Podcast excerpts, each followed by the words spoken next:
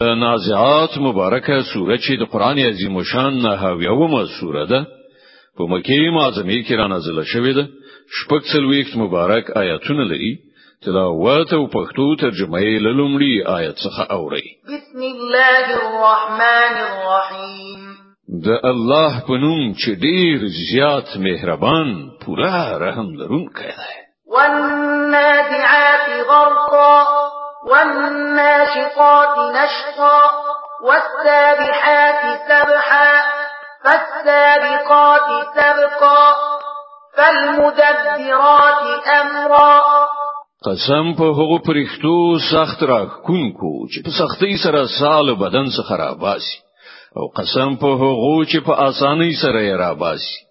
او قسم په هغو پرښتو چې په کائناتو کې په چټکۍ سره لامبو وهي بیا د حکم په ځای کولو کې چالاک وړاندې زی بیا د الهي حکمونو سره سم د چارو تنظیم کوي یوم ترجف الراجفه تتبعها الرادفه هغه ورځ چې دغه ټوله زمکه د زلزلې ټکان وخوځي او له هغه وروسته بل ټکان راشي قلوب يومئذ واجفه ابصارها خاشعه ځینې زړونه به وی چې په دغه ورځ له ویری ولړزيږي د هغو سترګې به له ویری ښکته شي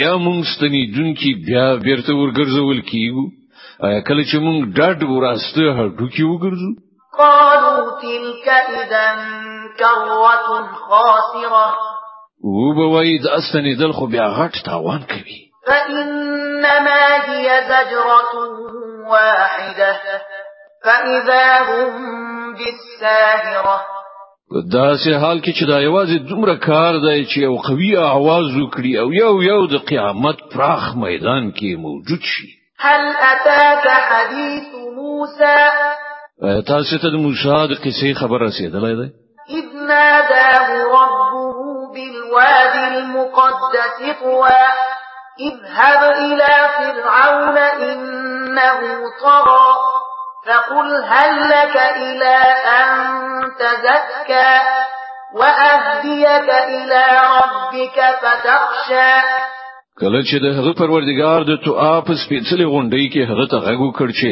فرعون ته لاړ شه هغه سرکشي کړې ده او هغه ته وایا آیات دې ته چمتوې چې سپېڅلتیا غوړه کړې او زه ستاسو پروردگار لوري ته تا ته لار خوونه وکړم چې له هغه څخه په تا کې ویره پیدا شي فأراه الآية الكبرى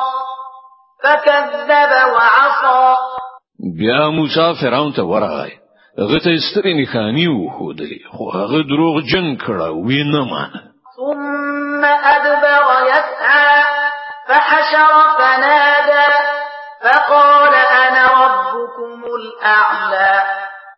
بیا د چلونو جوړولو د پاره وګرځي دا خلک را ټول کړل نو د ناری کړی وی ویل زه ستاسو ته ټول لوی پروردګار یم فأخذه الله نكال الآخرة والأولى